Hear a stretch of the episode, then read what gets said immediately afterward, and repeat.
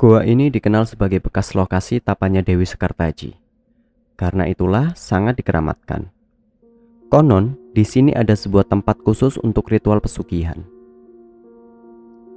Objek wisata alam ini memang menyuguhkan panorama indah lereng Gunung Wilis dengan ciri khas batu padas.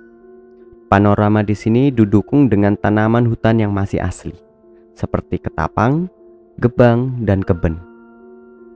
Tapi yang lebih dominan di sini adalah barisan pohon mangga. Ya, di dekat Goa Gambir memang terdapat hutan mangga yang luasnya diperkirakan hampir 159 hektar. Apalagi kalau sudah musimnya mangga berbuah.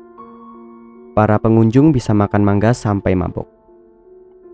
Tanpa perlu membayar sepeser pun. Siapa pun cukup memetik sendiri tanpa perlu membelinya. Menikmati pemandangan alam lereng Gunung Wilis yang masih perawan, hanya dengan beralas tikar atau koran di atas tanah padas yang memang bersih, sungguh merupakan kenangan tersendiri. Tanah padas yang berwarna merah yang bisa digunakan untuk membangun rumah itu termasuk dari jenis yang langka. Karena itu, warga masyarakat di sana kalau membangun rumah tidak memerlukan pasir dari sungai berantas. Mereka biasanya cukup menggunakan tanah padas itu. Yang menarik, Goa Gambir dipercaya menyimpan kekuatan mistis tertentu. Ikhwal munculnya kepercayaan ini besar kemungkinan disebabkan karena tempat ini terletak di lereng Gunung Wilis yang memang terkenal penuh misteri.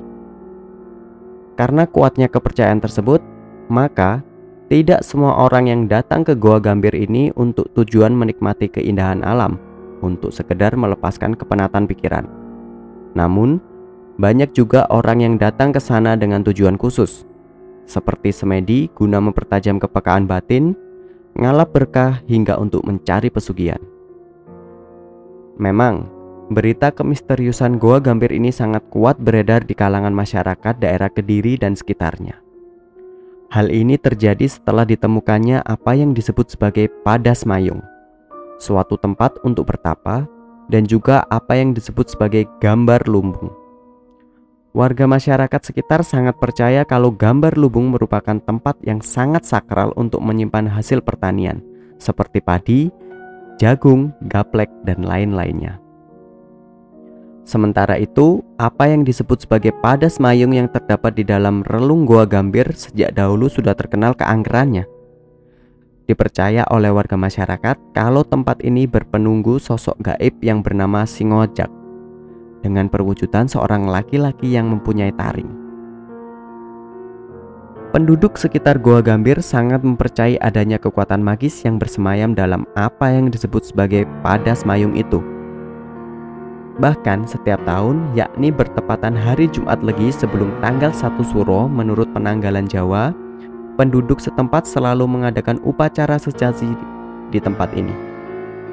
Hal ini sudah menjadi adat kebiasaan turun-menurun dari zaman dahulu.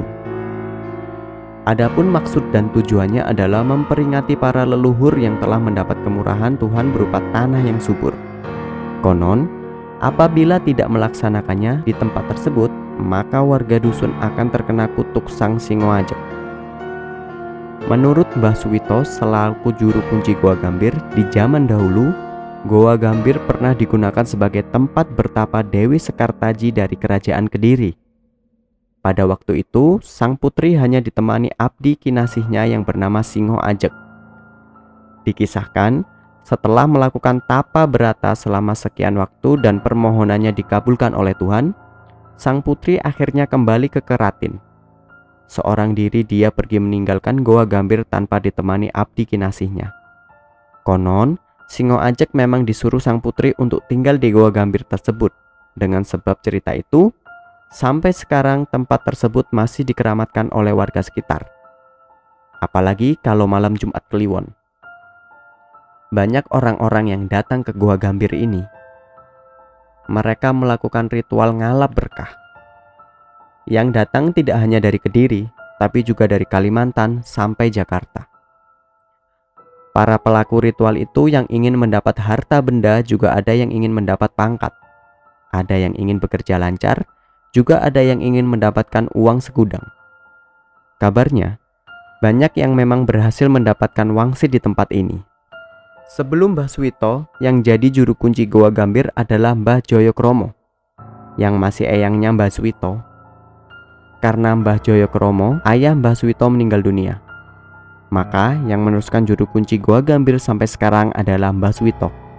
Anehnya, yang disebut sebagai Goa Gambir itu tidak hanya satu. Dijelaskan oleh Mbah Suwito, ada upacara yang dinamakan Ubu Rampe. Ubu Rampe untuk upacara sesaji di Goa Gambir berupa sekul anget atau berupa lada, nasi dan panggangan ayam. Juga sekul wangi, terdiri dari minyak wangi, bunga, candu, kemenyan, dan lilin. Sebelum upacara sesaji di Goa Gambir dimulai, pelaku harus melakukan upacara pansucian diri dengan mandi keramas di pancuran yang terletak persis di depan gua. Setelah itu, si pelaku diharuskan membakar dupa dengan duduk bersila, memohon kepada Tuhan supaya diberi keselamatan di dunia dan akhirat, dan dijauhkan dari mara bahaya. Begitulah menurut kepercayaan yang selama ini berjalan di tengah masyarakat sekitar Goa Gambir ini. Jadi, tidak benar kalau goa ini menjadi ajang pesugihan.